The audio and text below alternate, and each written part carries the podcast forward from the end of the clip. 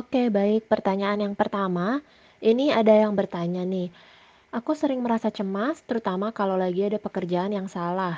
Tiba-tiba blank, nggak bisa mikir, terus badan langsung nggak enak, mual-mual, pas tidur kadang badan kayak nggak istirahat. Pikiran soal kerjaan suka kebawa, akhirnya bangun-bangun jadi pusing. Apakah itu termasuk burnout? Dan apa yang harus dilakukan untuk meminimalisir hal tersebut? Oke, baik, eee, terima kasih untuk pertanyaannya, eee, rekan Bapak atau Ibu. Eee, yang pertama, apakah itu burnout atau tidak? Mungkin iya, bisa termasuk burnout, tapi kalau dari ciri-ciri yang Ibu atau Bapak sebutkan ini, kemungkinan besar ini lebih ke arah compassion fatigue atau, eee, kelelahan kepedulian, ada perasaan tersebut, tapi perlu ditelusuri dulu nih, kira-kira apakah sebelum ada kejadian atau, eee, pandemi Covid ini, saya sudah orang yang modelnya mu mudah cemas. Kalau memang iya, itu menjadi satu faktor risiko. Nah, sekarang kan dengan kondisi yang seperti ini bisa jadi, eee, berbagai faktor emosional dan pengalaman masa lalu bisa mempengaruhi setiap tenaga kesehatan untuk bekerja secara konsisten optimal gitu ya. Nah, eee, kemungkinan besar satu udah ada terasa compassion fatigue-nya nih, eee, Bapak atau Ibu yang bertanya ya. Tapi hal itu tidak apa-apa, wajar. Eee, saya tidak tahu sudah berapa lama, eee, Anda secara konsisten melakukan pekerjaan ini, apakah betul-betul dari awal, eee, ditetapkannya darurat nasional atau memang baru-baru ini aja. Tapi semakin lama kita terpapar dalam situasi seperti ini memang, eee, biasanya lebih lebih udah terkuras gitu energinya. Ibaratnya kalau korek api itu kebakar udah semakin gosong semakin gosong semakin angus, jadi udah nggak bisa nyala lagi. Jadi kita mungkin perlu recharge energi, mengembalikan kondisi, eee, kita supaya lebih optimal. Eee, yang bisa dilakukan, eee, Bapak atau Ibu, tadi ya, salah satunya mempraktekkan relaksasi, dan sebelum atau sambil melakukan relaksasi, kita perlu menerima perasaan-perasaan kita. Jadi misalnya kalau lagi cemas, kita bisa bilang sama diri sendiri, eee, "It's okay, nggak papa kalau saat ini saya sedang cemas." Terus misalnya takut, eee, ada yang salah, kita bilang kita bisa bilang sama diri sendiri, "Oke, tenang aja, eee, saya bisa melakukannya, fokus." Biasanya kalau eee, sering-sering salah atau kadang-kadang melakukan kesalahan, itu kan karena kurang fokus salah satunya.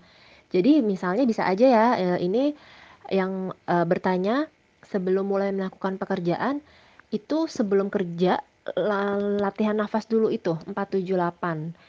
Nah, nanti biasanya kalau udah nafasnya lebih tenang, kita bisa lebih fokus sama pekerjaan. Eee, kemudian biasanya orang yang cemas itu karena pikirannya nggak here and now atau nggak ada di sini dan saat ini. Misalnya pikirannya, eee, ada di masa lalu karena mengingat-ingat peristiwa di masa lalu, misalnya tentang pekerjaan dan lain sebagainya, eee, atau berf pek pikirannya ada di masa depan, jadi memikirkan hal yang belum terjadi. Nah, untuk itu mengembalikan fokus ke saat ini, di sini, here and now, itu menjadi sangat penting. Nah, salah satu caranya adalah melakukan relaksasi tadi, karena ketika kita relaksasi, kita diajak untuk fokus salah satunya ke nafas. Nafas kita itu adalah sesuatu yang here and now, jadi bisa kita lakukan. Bagi yang tidurnya terganggu, boleh juga melakukan, eee, latihan rutin nafas 4, 7, 8-nya, eee, pagi dan malam. Jadi pagi sebelum beraktivitas dan malam, eee, sebelum tidur. Nah, eee, 4, 7, 8-nya bisa direpetisi 4 sampai 5 kali. Jadi 4, 7, 8, 4, 7, 8 gitu ya, eee, tarik nafas, tahan, hembuskan perlahan-lahan, itu sebanyak 4 kali sampai 5 kali, atau sampai diri sendiri sudah mulai merasa tenang.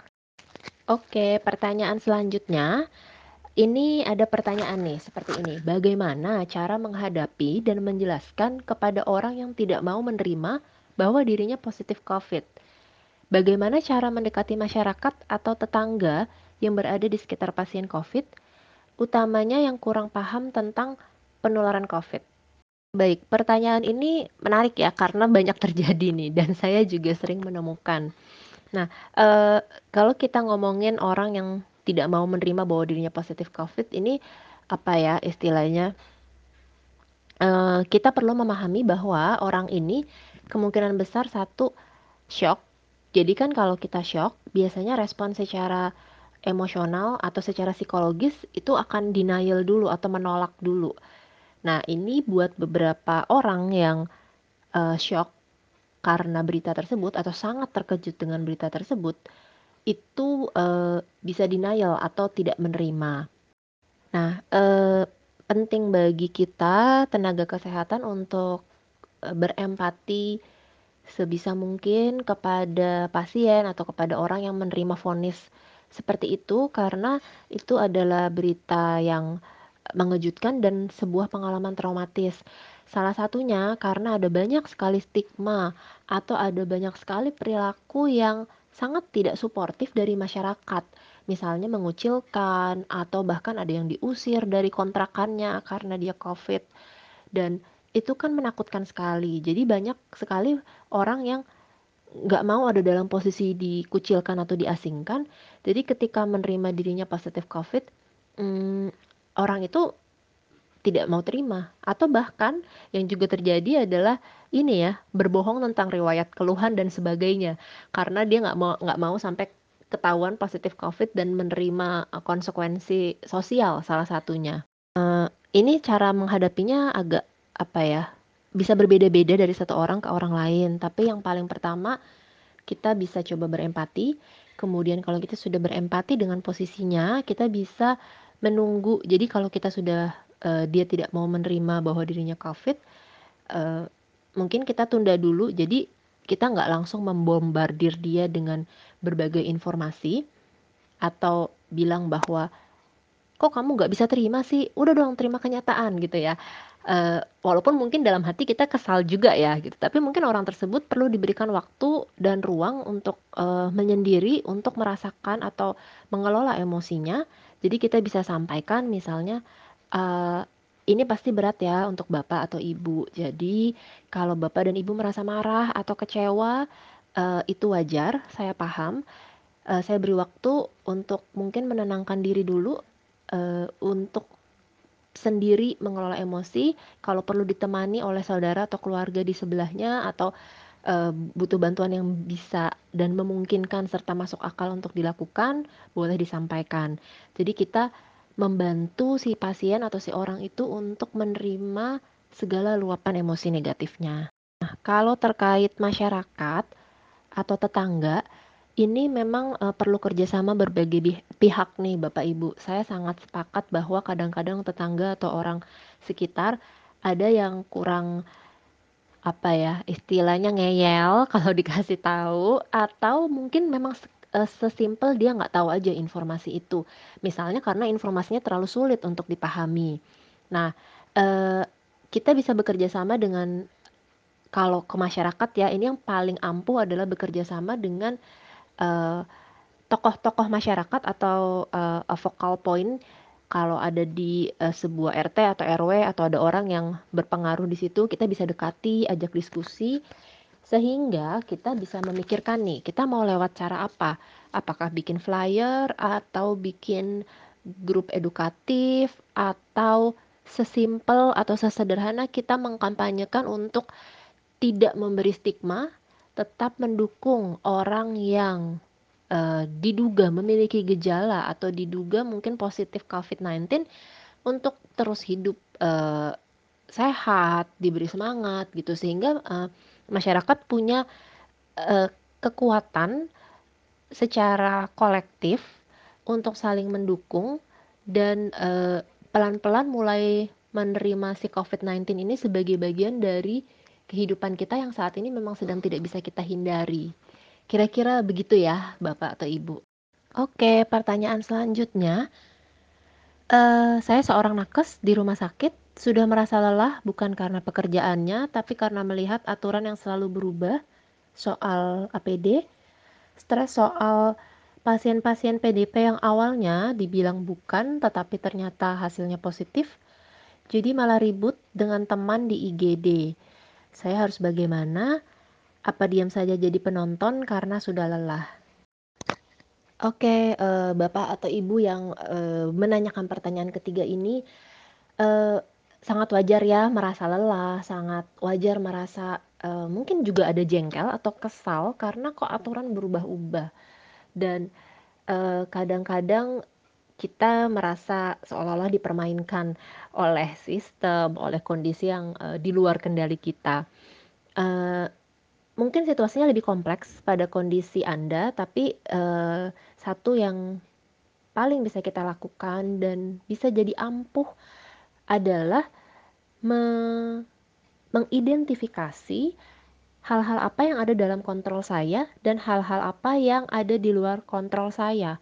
Misalnya hal di luar kontrol saya tuh apa, misalnya peraturan pemerintah, terus kemudian kebijakan-kebijakan, respon orang, bagaimana orang berpikir tentang saya, kondisi cuaca misalnya ya. Jadi segala hal yang ada di luar diri saya itu di luar kontrol saya. Sementara itu ada hal-hal yang e, berada dalam kendali saya. Misalnya bagaimana saya mau punya perspektif, bagaimana saya mau punya mindset, cara berpikir saya, perasaan saya, bagaimana saya mau mengambil tindakan, apa yang mau saya pilih hari ini. Hal-hal itu semua ada di dalam kontrol kita. Jadi, yang paling pertama bisa kita lakukan adalah berfokus pada hal-hal yang ada dalam kendali kita. Ini sama seperti penjelasan di awal bahwa segala emosi negatif yang kita rasakan itu salah satunya berasal dari persepsi terhadap kontrol. Misalnya kalau dalam kasus Anda, kok kebijakan berubah-ubah ya soal APD gitu. Itu kan hal yang membuat kita semakin merasa e, bekerja dalam ketidakpastian dan itu bisa membuat kita merasa semakin kontrol kita tuh diambil sedikit demi sedikit. Nah, oleh karena itu e, coba untuk hal-hal yang ada di luar kontrol kita itu kita kelola ekspektasinya, coba lebih kita kembangkan toleransinya terhadap hal-hal yang di luar, di luar kontrol. Kalau misalnya tadinya ekspektasinya tinggi, kita turunin dikit-dikit atau kita buat lebih realistis agar kalau tidak tercapai, kita kecewanya nggak terlalu besar. Nah, sementara itu kita fokus sama apa yang benar-benar bisa kita kontrol nih, uh, Bapak Ibu. Jadi, pikiran kita, perasaan kita, kita mau respon atau enggak. Misalnya tidak semua uh, komentar orang atau tidak semua respon orang perlu kita respon. Atau kalaupun kita respon, caranya mungkin bisa kita ubah atau kita tunda dulu responnya gitu ya. Jadi bagaimana kita memodifikasi respon perilaku kita itu bisa membuat kejengkelan kita atau kekesalan kita menjadi lebih berkurang terus kita jadi lebih kenal sama diri sendiri dan kita jadi lebih merasa uh, bangga karena ternyata kita bisa melakukan perilaku yang berbeda dari yang biasanya kita tampilkan. Oke, saya bacakan dulu pertanyaan keempat. Apakah psikosomatis adalah hal yang wajar? Kemudian yang kedua, apakah Anda setuju dengan apa yang disampaikan Sigmund Freud? Jika alam bawah sadar lebih besar daripada alam sadar, Apakah dengan begitu kita bisa mengendalikan alam bawah sadar agar penyakit atau tekanan bisa dapat dikontrol dengan mudah? Oke, uh, Bapak Ibu yang bertanya, terima kasih atas pertanyaannya. Waduh, udah ngomongin Sigmund Freud nih. Ini nanti balik ke apa namanya perspektif uh, masing-masing clinician ya, uh, Bapak Ibu. Saya jawab yang pertama dulu ya, soal psikosomatis. Wajar nggak sih? Sebetulnya wajar uh, kan psikosomatis itu ada rentangnya. Kalau kita bisa kelola, maka sebenarnya itu akan jadi hal yang uh, uh, positif. Kenapa? Karena kita jadi lebih paham diri kita, paham tubuh kita, paham keterkaitan antara pikiran, uh, perasaan, dan tubuh kita itu satu kesatuan. Nah, uh, psikosomatis apalagi di masa-masa sekarang ini, terutama buat beberapa orang yang sangat sering membaca berita-berita tentang uh, uh, pasien, jumlah korban. gejala-gejala COVID-19 gitu kan ada orang yang senang banget ya baca-baca berita dan uh, update soal gejala dan sebagainya baik dari sumber terpercaya maupun sumber yang kurang terpercaya setiap hari update info kayak gitu bisa jadi ya sangat melelahkan dan akhirnya jadi uh, rentan untuk mengalami psikosomatis. Namun uh, kita bisa melakukan langkah-langkah konstruktif ya untuk mencegah kita mengalami psikosomatis dan mengelola si psikosomatisnya itu. Kemudian terkait uh, pertanyaan Anda tentang Sigmund Freud ya, saya percaya atau enggak, uh, itu sebuah perspektif uh, dalam memandang atau memahami manusia, perspektif yang kompleks dan cukup rumit, uh, tetapi uh, saya uh, apa namanya saya uh, memahami bahwa memang ada alam bawah sadar atau uh, apa namanya subconsciousnya seseorang gitu. Tetapi apa yang ada di prasadar atau di subconscious itu bisa diusahakan untuk dimunculkan. Uh, nah, uh, apakah kemudian kita bisa mengendalikan bawah sadar agar penyakit atau tekanan bisa dikontrol?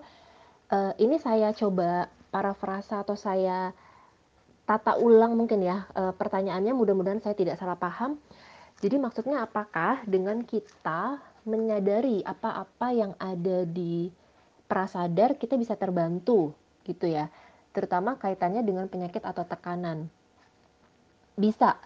Jadi kalau kita berusaha untuk mencari tahu apa yang misalnya menjadi perasaan terdalam kita apa yang menjadi kesulitan-kesulitan yang atau ketakutan-ketakutan terbesar kita terutama terkait di masa-masa ini ya itu sebenarnya bisa sangat membantu kita menjadi lebih sehat secara fisik atau mental.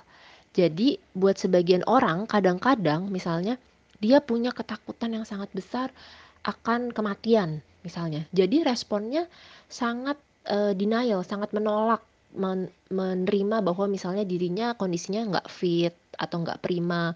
Responnya jadi marah-marah. Nah, respon marah-marah dan menyangkal ini sebenarnya kan berasal dari emosi-emosi yang mungkin ada di prasadarnya dia yang tidak mau dia hadapi dan tidak mau dia terima.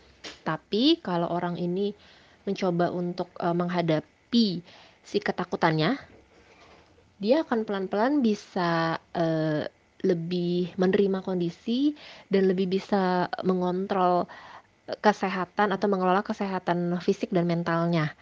Kira-kira uh, gitu ya, Bapak Ibu yang bertanya. Mudah-mudahan uh, tadi uh, rewarding atau parafrasa saya sesuai. Oke, sekarang saya akan jawab pertanyaan yang kelima. Pertanyaannya seperti ini. Terkadang sebagai manusia biasa, kadang kita sedikit batuk atau sedikit flu. Namun saat sekarang ini, biasanya kita langsung berpikiran negatif pada diri sendiri. Jangan-jangan saya corona dan sebagainya. Nah, bagaimana ya mengurangi pikiran negatif ini agar bisa lebih yang positif yang lebih mendominasi? Oke, pertanyaan ini juga sangat menarik dan fenomenanya jamak umum di masyarakat ya. Eh, bahkan di teman-teman saya sendiri kadang-kadang gitu, aduh batuk-batuk jangan-jangan corona. Bahkan bukan hanya itu, kita lihat orang batuk aja di sekitar kita langsung parno ya, langsung minggir, langsung orang tersebut ditatap dengan tatapan yang penuh kecurigaan gitu ya. Ngapain kamu batuk gitu. Nah, eh respon-respon atau reaksi seperti itu sebetulnya adalah reaksi yang uh, spontan dan wajar. Nah, uh, tentu kalau ada pikiran-pikiran negatif seperti yang Anda sampaikan ini memang bisa jadi mengganggu. Uh, bagaimana caranya mengurangi? Yang pertama perlu dicari tahu dulu nih, asal dari pikiran negatifnya itu apa. Nah, pada kebanyakan orang asal dari pikiran negatifnya itu karena dia setiap hari hampir sepanjang waktu dari pagi sampai malam itu nonton atau baca berita tentang corona, tentang korbannya, tentang misalnya siapa yang tidak berhasil ditangani di rumah sakit, tentang siapa yang mm, matinya mendadak dan sebagainya gitu. Jadi berita-berita buruk tentang corona itu dia cari dan dia dapatkan setiap hari. Nah, kalau itu yang terjadi, maka salah satu caranya adalah kurangi pikiran-pikiran eh sorry, kurangi mencari informasi dari semua sumber. Jadi kita perlu batasi agar asupan informasinya itu nggak sebanyak itu kita terima semuanya. Nah, kita pilih-pilih informasi dari sumber mana yang mau kita dapatkan. Kita bisa cari uh, sumber yang kredibel. Jadi kalau kita mau cari info, ya udah cari aja uh, dari sumber itu, nggak dari grup WhatsApp kita baca, dari sosial media ini kita baca, dari TV kita baca, dari mana kita baca. Jadi uh, terlalu dipenuhi emosi negatif, eh sorry, terlalu dipenuhi informasi negatif, maka memang pikiran negatifnya bisa uh, mendominasi. Terus banyak-banyak melakukan aktivitas produktif setiap hari supaya tidak di apa ya? Supaya pikiran kita tidak selalu diarahkan ke uh, korban atau uh, pasien yang atau jumlah orang yang meninggal terkait corona ini. Buat Anda yang memang bekerjanya harus setiap hari berhadapan dengan pasien, uh, mungkin selain membatasi asupan informasi, bisa juga mencari hal-hal uh, positif dan menyenangkan yang ada di tempat kerja. Uh, walaupun itu sangat kecil dan sederhana, tapi kita bisa coba temukan dan kita berfokus ke situ dan kemudian uh, pelan-pelan menyampaikan pada diri sendiri bahwa situasi akan membaik sedikit demi sedikit suatu hari nanti agar kita tetap punya harapan dan optimisme. Nah, yang terakhir, saya juga mau uh, apa namanya berbagi tips yang mungkin berguna. Kalau perasaan kita lagi nggak nyaman dan nggak enak, dan kadang-kadang muncul pikiran negatif yang intens, kita bisa coba untuk membuat daftar seperti wishlist gitu, 10 hal yang mau kita lakukan kalau pandemi ini berakhir. Kan sekarang dengan adanya pandemi kita nggak bisa begini, nggak bisa begitu gitu ya. Apa sih 10 hal yang mau kita lakukan kalau pandemi ini berakhir? Ditulis terus ditempel di tempat yang sering kita lihat. Misalnya, kalau Anda hobi ngaca, tempel di cermin atau tempel di uh, deket pintu kamar atau tempel deket meja kerja supaya bisa kita lihat terus. Nah, punya daftar itu bisa membantu kita uh, membangun harapan dan optimisme bahwa suatu hari nanti ada loh hal yang mau kita nantikan dan 10 hal itu adalah hal-hal yang akan kita lakukan dan kita saat ini menanti untuk bisa sampai di situ. Oke, uh, ini pertanyaan yang terakhir. Bagaimana mencegah terjadinya konsep diri dan harga diri rendah pada pasien COVID-19? Dan jika terjadi, langkah apa yang harus kita ambil? Oke, ini pertanyaan yang uh, bagus dan menarik ya, karena uh, memang betul uh, selain nakesnya, pasien dan keluarga pasien ini juga uh, sangat stres dan uh, punya reaksi yang bisa berbeda-beda terkait kondisi pandemik apalagi kalau misalnya diagnosisnya sudah tegak, wah kamu positif COVID gitu ya. E, hal pertama yang bisa dilakukan adalah memberikan e, pemahaman atau informasi bahwa kalau kamu merasa marah, sedih, atau kesal karena menerima berita bahwa kamu uh, mengalami atau mendapat diagnosis COVID-19 itu adalah hal yang wajar. Jadi nggak apa-apa kalau kamu merasa sedih, marah, kecewa dan sebagainya. Uh, saya bisa memahami itu gitu ya. Kita bisa sampaikan seperti itu kepada pasien tersebut. Terus kita juga bisa ingatkan bahwa uh, langkah-langkah apa yang bisa dilakukan. Jadi kita beri informasi tentang hal-hal yang bisa dilakukan supaya dia tetap uh, mengetahui ada peluang bagi dia untuk bisa pulih secara fisik dan selain itu kita tetap bisa ingatkan bahwa hmm, kamu tetap bisa beraktivitas loh. Nah, aktivitas apa yang masih bisa dilakukan dalam batasan kondisi dia itu perlu kita sampaikan dan uh, supaya orang ini dan caregiver yang ada di sekitarnya juga paham bukan berarti dia jadi nggak bisa ngapa-ngapain lagi. Uh, termasuk mengingatkan pada uh, dia aktivitas-aktivitas sederhana yang tetap bisa dilakukan walaupun uh, sedang dalam kondisi terinfeksi penyakit atau virus. Nah, kalau udah terlanjur terjadi, langkah yang bisa diambil adalah uh, misalnya dia sudah terlanjur harga diri rendah seperti itu ya. Uh, balik lagi sih, satu kita bisa mengingatkan Eee, sangat mungkin kamu merasa sedih, marah, dan memiliki berbagai luapan emosi negatif, itu nggak apa-apa.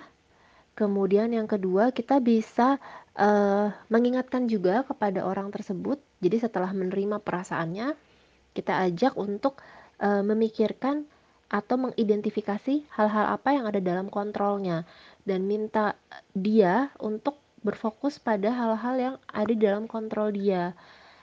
Kemudian pasien juga perlu untuk melakukan self-care atau me time, seperti yang tadi sudah kita bahas. Jadi bisa juga ajak, eee, atau beritahu bahwa kamu punya kesukaan apa atau kamu punya aktivitas apa yang menyenangkan. Kalau kita sudah tahu caranya melakukan rea relaksasi sederhana, bisa juga diajarkan ke pasien itu, kemudian kita libatkan caregiver atau keluarganya untuk terlibat dalam, eee, mendukung pasien ini supaya merasa bahwa dia tidak sendirian dan dia tetap bisa berdaya, mengadopsi, eee, pemikiran bahwa dia adalah survivor, bukan korban. Ya, jadi saya ingin mengapresiasi dan mengucapkan terima kasih serta penghargaan yang setinggi-tingginya kepada rekan-rekan yang masih terus berjuang, masih berusaha mengingat, eee, nilai-nilai positif yang dimiliki untuk berkontribusi dan menghadapi kondisi pandem pandemik ini dengan sebaik-baiknya. Eee, kadang-kadang mungkin kita merasa lelah, kadang-kadang mungkin kita merasa tidak berdaya atau tidak berhasil memenuhi ekspektasi diri sendiri maupun orang lain.